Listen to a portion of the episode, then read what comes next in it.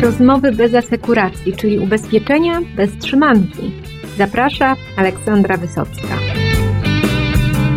Technologia to teraz jeden z najważniejszych filarów rozwoju branży ubezpieczeniowej. Jak nowe technologie wdraża kompensa, co jej się udało zrealizować w poprzednim roku i na co stawia w przyszłości. O tym opowie mój dzisiejszy gość Rafał Mosionek, wiceprezes Kompensy. Zapraszam do wysłuchania tego odcinka. Miniony rok przyniósł wiele wyzwań, ale dla kompensy był też źródłem sukcesów. Otrzymaliście Orła Innowacji za platformę Nasza Kompensa. Proszę powiedzieć, co to za rozwiązanie, dla kogo i czemu zostało nagrodzone? Nasza kompensa jest rozwiązaniem dla y, naszych klientów ubezpieczanych w ramach ubezpieczeń grupowych, zarówno zdrowotnych, jak i na życie. Jest to rozwiązanie, które pomaga wszystkim pracownikom firm ubezpieczanym przez nas zarejestrować y, się w danej grupie.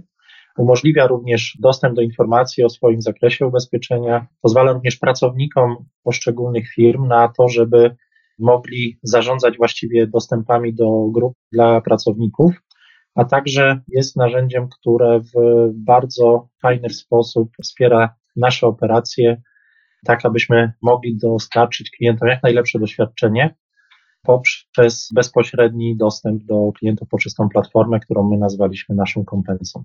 No to gratuluję jeszcze raz wyróżnienia. Myślę, że ono też jest wyrazem tego, jak świat nasz się cyfryzuje i również zakłady pracy, no, które były taką ostoją troszkę takiego starego podejścia do ubezpieczeń, teraz również się otwarły na zdalne przystąpienia, na zdalne zgłaszanie roszczeń, więc idziemy w sumie chyba do przodu. No i kompensa tutaj również w tym marszu w czołówce się znajduje, to może powie Pan troszkę więcej o tych projektach biznesowych w kompensie, w minionym, w mijającym właściwie roku, które uważa Pan za najbardziej istotne dla firmy. W 2021 roku projektów uruchomiliśmy bardzo wiele. Część z nich niestety z perspektywą czasową taką, że zakończą się w roku 2022. I są to niewątpliwie projekty, które łączą nasze dążenia żeby cały czas inwestować z jednej strony w technologię, która miałaby wspierać zarówno e, nasze procesy, ale także, a nawet przede wszystkim doświadczenia naszych klientów i e, naszych pośredników. I z takich dwóch kluczowych projektów, o których tutaj warto powiedzieć, to na pewno jest projekt budowy nowych narzędzi portalowych dla agentów współpracujących z nami, które chcielibyśmy już wdrożyć i udostępnić współpracującym z nami pośrednikami w pierwszym kwartale przyszłego roku. Oraz rozpoczęliśmy budowę portalu klienta, to roboczo nazywa się to Kompensa 24. W praktyce my chcielibyśmy w jednym miejscu skupić szereg różnych usług, które już klientom zdalnie oferujemy, a które dziś są troszeczkę rozproszone, bo dużo zrobiliśmy na przykład w obszarze likwidacji szkód, majątku. Zrobiliśmy wspomnianą już dzisiaj w rozmowie naszą kompensę. Zrobiliśmy różne formularze, które pozwalają zarejestrować potrzeby klientów, które wymagają przeprocesowania przez pracowników naszej firmy. I mamy kwestie ubezpieczeń zdrowotnych, które gdzieś też mają swoje rozwiązania cyfrowe, ale natomiast jest to na dzień dzisiejszy świat troszeczkę rozproszony, który chcielibyśmy skupić w jednym miejscu w postaci portalu klienta. Nie jest to na pewno super innowacyjna inicjatywa, bo takie portale na rynku już e, przez część ubezpieczycieli zostały wprowadzone, natomiast no, w naszej ocenie już też do, dojrzeliśmy do tego, żeby kompensa również takie holistyczne, dobre doświadczenie dla klienta mogła zaoferować. Poza tymi dwoma dużymi projektami no mamy szereg innych, zarówno skupionych na rozwoju biznesu, jak i też skupionych na poprawie efektywności funkcjonowania naszej firmy. Te z obszarów rozwoju biznesu one mają charakter w dużej mierze poufny, więc może skupię się na tych dotyczących poprawy efektywności działania firmy i tak po naszych próbach sprzed trzech lat, gdy wystartowaliśmy y, na przykład y, projekt Genesis, gdzie my robiliśmy wówczas dużo eksperymentów, dużo tak zwanych proof of concept, żeby weryfikować różne technologie w kontekście biznesowym. Na część z nich wówczas było za wcześnie. Za wcześnie w tym kontekście, że one jeszcze nie były jakościowo wystarczająco dobre, a też koszt ich wdrożenia był e, zbyt wysoki. My w roku 2021 dokonaliśmy rewizji, do których z pomysłów warto powrócić, bo już zarówno technologia uzyskała wyższy poziom zaawansowania, jak i koszty ich wdrożenia nam w międzyczasie spadły. I dużo robimy i już na początku przyszłego roku wiele tych projektów nam wejdzie już w fazę produkcyjną, no to dużo tutaj dzieje się w obszarze automatyzacji, czy to z wykorzystaniem sztucznej inteligencji, czy też z wykorzystaniem technologii rozpoznawania mowy. I znowu tu nie będziemy na pewno prekursorem na rynku, jeżeli chodzi o większość tych rozwiązań, dlatego że już są pojedyncze wdrożenia w branży ubezpieczeniowej, które co do zakresu i pomysłu są podobne do tego, nad czym my teraz pracujemy. Niemniej dzięki temu, że nasza konkurencja, robiąc pewne z projektów wcześniej, pozwoliła też firmom, które dostarczają te technologie, nauczyć się być szybszym i tańszym. To jest e, na pewno też z naszego punktu widzenia wartość dodana, żeby się zająć tym nieco później niż planowaliśmy pierwotnie. Dużo też staramy się teraz zaplanować takiej pracy skupionej, czy też zmiany, planujemy też zmiany dotyczącą e, naszych pracowników. Niewątpliwie ten czas pandemii, tych ciągłych, całościowych, częściowych lockdownów, pracy zdalnej wzbudził tutaj u nas potrzebę, żeby pomyśleć o transformacji, takiej, jakiś model docelowy, w którym chcielibyśmy, żeby nasza firma funkcjonowała. Oczywiście jest to też projekt, dla którego technologia ma znaczenie, tak aby zarówno te plusy, jak i minusy związane z pracą zdalną być w stanie właściwie zaadresować i stworzyć też środowisko pracy dla naszych pracowników, które niezależnie od tego, ile będziemy mieli kolejnych fal pandemii, pozwoli już uzyskać jakąś stabilizację w perspektywie średnioterminowej żebyśmy umówili się po prostu na coś ze wszystkimi, a nie reagowali tylko na zmieniającą się sytuację kreowaną przez pandemię.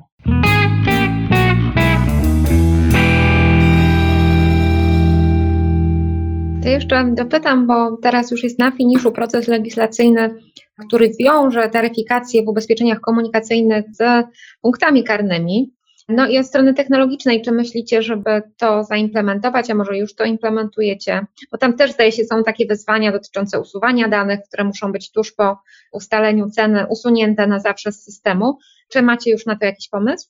W tej chwili tak naprawdę UFG, które tutaj jest bardzo ważnym partnerem, jeżeli chodzi o dostęp do różnych informacji, które ubezpieczyciele mogą wykorzystać i przetwarzać zgodnie z przepisami prawa, więc było dla nas i zawsze będzie bardzo ważnym partnerem. Niewątpliwie, jeżeli chodzi o nowe inicjatywy, które UFG uruchamia, my jako kompensa właściwie zawsze jesteśmy jedną z pierwszych firm, która we współpracy z UFG te rozwiązania próbuje w rzeczywistości wykorzystać. I odpowiadając wprost na pytanie, my mamy na przyszły rok zaplanowany projekt, który te nowe usługi UFG pozwoli nam wykorzystać w jeszcze lepszy sposób.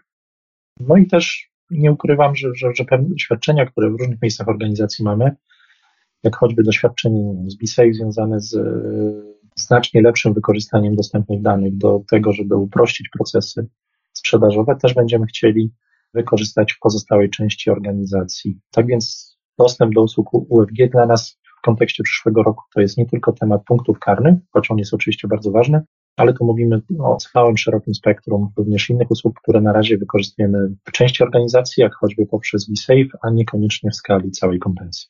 Chciałam też podpytać o taki projekt pozyskiwania, jak dobrze rozumiem, idei, pomysłów z wewnętrza organizacji, o Idea Box. Co to dokładnie jest za przedsięwzięcie, jaką ma historię, no i jakie efekty kompensie przyniosło? Idea Box jest programem, który stworzyliśmy kilka lat temu. Ten program swoją drogą też był kilkukrotnie nagradzany różnymi wyróżnieniami związanymi z tym, w jaki sposób jesteśmy w stanie pobudzać innowacje wewnątrz organizacji.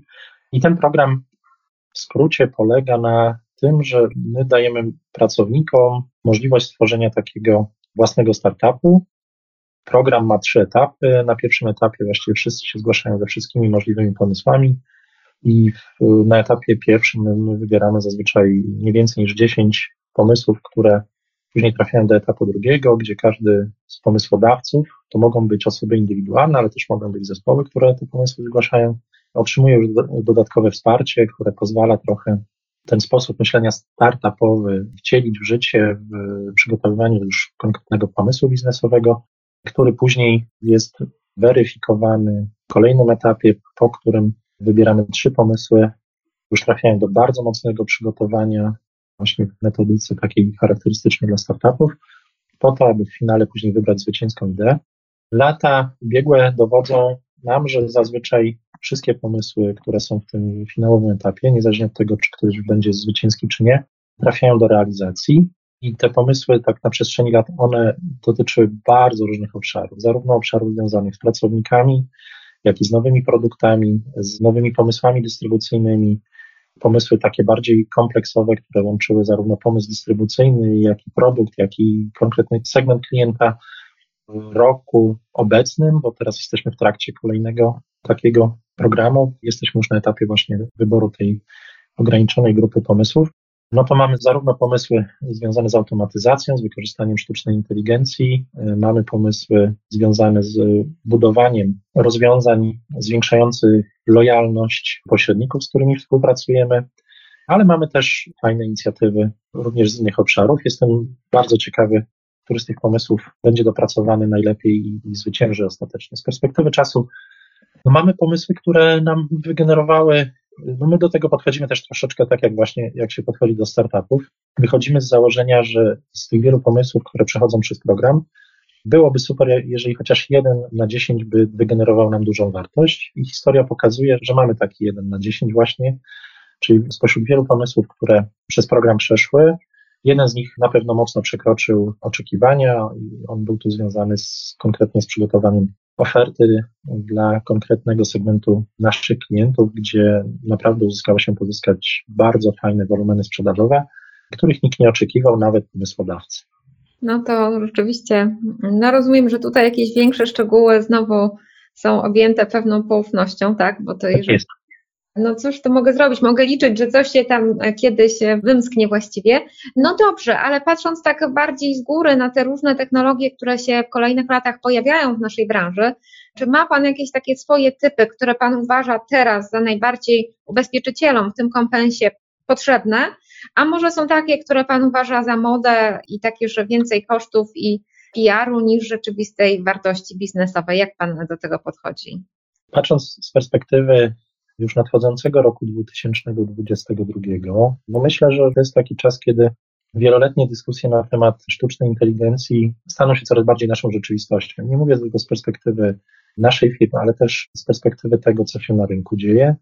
Wiele rozwiązań, które jeszcze dwa lata temu ubezpieczyciele najczęściej weryfikowali w różnych pilotach, często nie dochodząc nawet do, do jakichś pozytywnych wniosków. Już rok temu, w roku 2021, zaczęło się nam pojawiać już w konkretnych produkcyjnych rozwiązaniach. I oczywiście tutaj są słynne przykłady w branży, dużo prasy też na ten temat było o wdrożeniach związanych z rozpoznawaniem obrazów w ubezpieczeniach komunikacyjnych, gdzie te rozwiązania już na dużą skalę w Polsce działają i oczywiście jeszcze to nie jest tak, że większość ubezpieczycieli z nich korzysta. Na razie to są powiedzmy pojedyncze firmy, ale w mojej ocenie w roku 2022 skala tutaj znacząco wzrośnie. Mamy technologie związane z rozpoznawaniem mowy, czyli wszystkie boty głosowe i nie tylko głosowe, bo też tekstowe, które się coraz mocniej zadomawiają w operacjach poszczególnych ubezpieczycieli.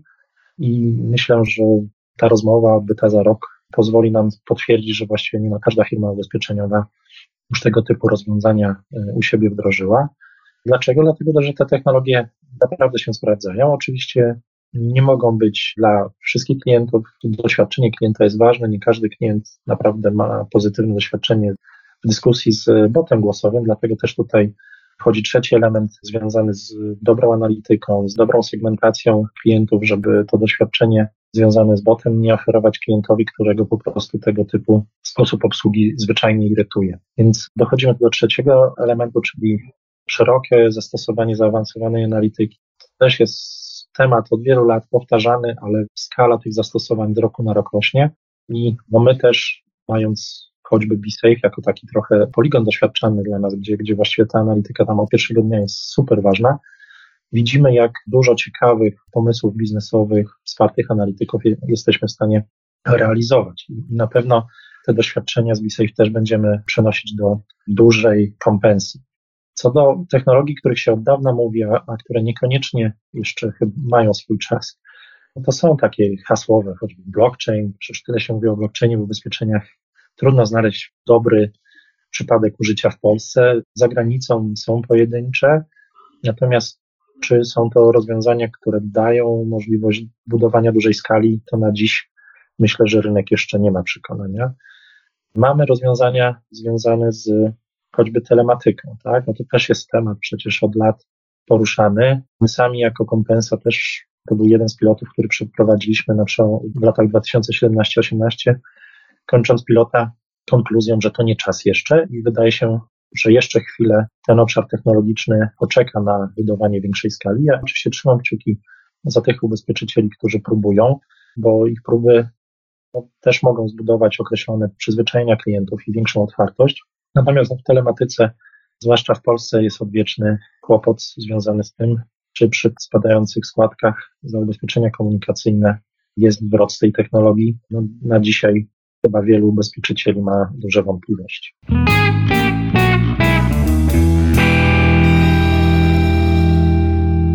Wspominał Pan o takiej kulturze startupowej, którą stosujecie nawet we własnym środowisku. No ale rozumiem, że też zdarza się, że współpracujecie z takimi startupami spoza WIG-u. No i mam pytanie tu o doświadczenie Wasze. Co z tego wynosicie i czy myślicie, że warto robić tego więcej, czy jednak lepiej poprzestać na tych własnych zasobach? My tu na przestrzeni ostatnich lat mieliśmy bardzo różne pomysły i próby skalowania współpracy ze startupami. W praktyce taki szczyt naszej inwestycji w ten obszar przypadł nam około dwóch lat temu, kiedy przeprowadziliśmy taki program Genesis Startup, w ramach którego stworzyliśmy program pozwalający na zainteresowanie współpracą z nami różnych startupów, który oczywiście zakończył się wyłonieniem najlepszych startupów, które trafiły do tego programu.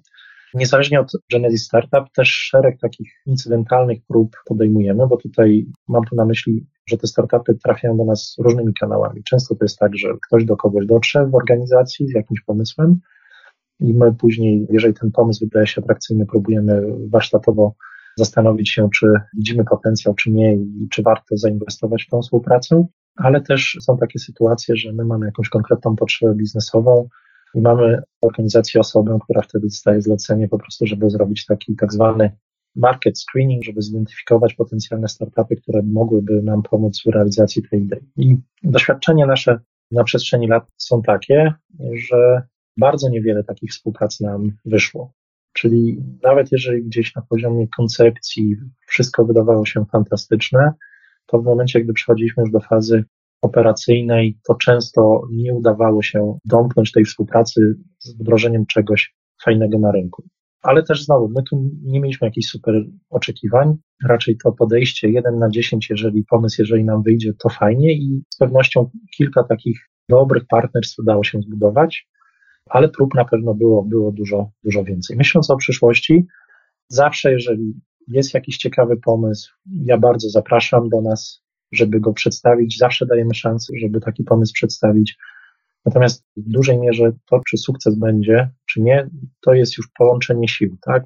My, mając mnóstwo różnych inicjatyw i projektów, rzadko możemy sobie pozwolić na to, żeby wystawić armię ludzi do współpracy z jednym startupem. My możemy z tym startupem współpracować, oczywiście, dając dedykowanego partnera, który będzie właścicielem biznesowym tej relacji, który będzie pomagał poruszać się w kompensie znaleźć drzwi, które trzeba otworzyć, żeby pomysł zrealizować. Natomiast no też trochę determinacja po stronie partnera jest tutaj potrzebna, żeby to się udało.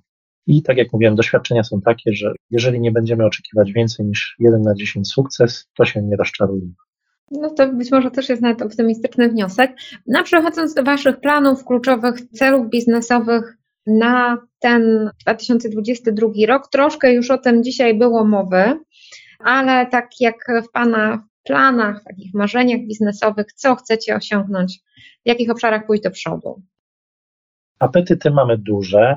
Z pewnością naszym głównym celem jest tutaj wzrost udziału w rynku powyżej wzrostu, jaki osiąga cały rynek, tak? Czyli my chcemy tę dynamikę mieć na tyle dużą, żeby z roku na rok można powiedzieć, że kompensy udział jest coraz większy. I to jest nasz główny cel. I żeby ten cel zrealizować, tutaj jest mnóstwo instrumentów w orkiestrze, na których trzeba zagrać, żeby ta muzyka zabrzmiała dobrze.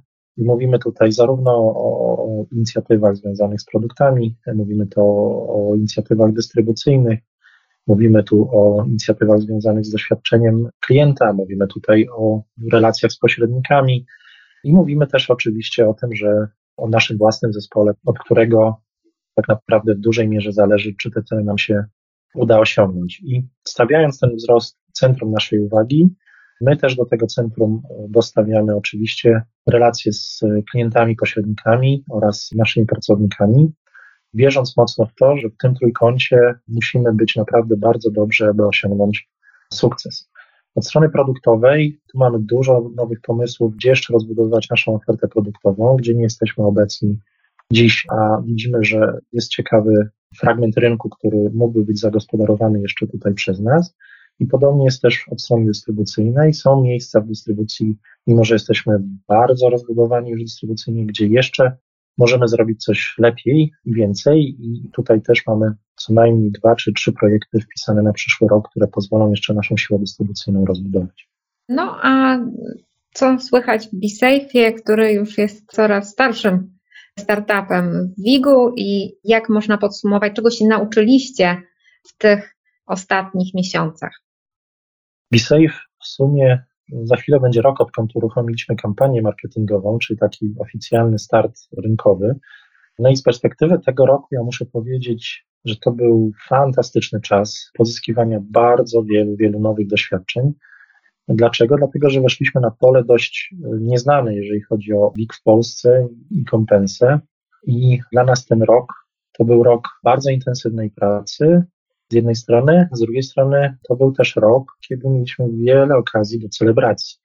Dlatego, że kończymy ten rok, jeżeli chodzi o BeSafe, bardzo istotnym przekroczeniem planów sprzedażowych, co na pewno cieszy y, zarówno wszystkich, którzy w BeSafe pracują, ale też wszystkich przyjaciół wokół nas i naszych interesariuszy, bo to był projekt, co do którego wszyscy zdawali sobie sprawę, że jest biznesowo również ryzykowy. Z drugiej strony, dzięki budowie dystrybucji cyfrowej, również otwartej na bezpośredniej interakcji z klientami, my zbudowaliśmy sobie bardzo dużą wiedzę odnośnie tego, co warto robić, czego nie warto robić, gdzie warto robić coś lepiej, gdzie warto zaniechać. Ten rok tutaj naprawdę był bardzo intensywną nauką dla wszystkich. W BeSafe też, tak jak powiedziałem wcześniej, my robimy sobie swego rodzaju takie obszar doświadczalny. Czyli póki BeSafe jeszcze nie jest bardzo duży, mimo że dynamicznie rośnie, to jednak jest wciąż startup, to mamy możliwość tam eksperymentowania z różnymi pomysłami, zarówno po stronie budowania biznesu, jak i również po stronie obsługi posprzedażowej, które zweryfikowane w BeSafe mogą trafić później też do dużej kompensy, zwłaszcza w zakresie oczywiście tych pomysłów, które w BeSafe nam się świetnie sprawdzą. Już takie pierwsze transfery zaczynają się pojawiać, rzeczy, które w BeSafe nam zafunkcjonowały naprawdę na bardzo dobrym poziomie, zaczynają być transferowane do kompensy i myślę, że wraz z upływem czasu takich transferów może być coraz więcej, dlatego też, że BeSafe tutaj dynamicznie rozwijając się, również rozbudowuje swój zespół, a mając większy zespół, też więcej takich nowych, ciekawych pomysłów możemy przetestować. Patrząc przyszłościowo, BeSafe dzisiaj to jest jeden produkt, jeden rynek i dość ograniczone kanały dystrybucji. Więc my myślimy o rozwoju oczywiście BeSafe w przyszłości i upraszczając to, trzy wymiary, o których myślimy, to są oczywiście dodatkowe produkty, inne być może też kanały dystrybucji, no i inne rynki. I na dziś decyzję mamy podjętą na pewno, że w przyszłym roku wprowadzimy nowe produkty na platformie BeSafe, natomiast co do kanału dystrybucji i rynków, dyskusje trwają. Myślę, że za kilka miesięcy tutaj już jakieś rozstrzygnięcia mogą się pojawić. A co to będzie za produkt, taki jakiś około komunikacyjny też, czy? Nie, nie, nie. Chcemy trochę już też wyjść poza komunikację, czyli również przygotować ofertę dla, dla naszych klientów, ale też potencjalnych klientów, która jest niezwiązana z ubezpieczeniami komunikacyjnymi. Cały czas pozostajemy tutaj nastawieni na klientów indywidualnych oczywiście, więc będziemy wdrażać te produkty, które w naszej ocenie mają największy potencjał właśnie w tym segmencie klienta, i no dość kluczowe tutaj będzie też przy wdrażaniu tych produktów zrobienie tego w sposób charakterystyczny dla BeSafe, czyli zróbmy ubezpieczenie inne niż komunikacyjne, również na tyle przyjazne dla klienta, żeby być może za jakiś czas podobnie jak z ubezpieczeniami komunikacyjnymi, konkurencja uznała, że warto skopiować nasze pomysły. Czego Wam życzę, ale nie za szybko.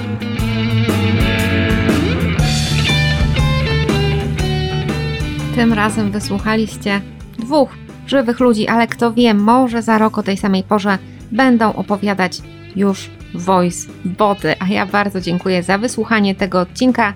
No i do usłyszenia w kolejnych ciekawych tematach o ubezpieczeniach.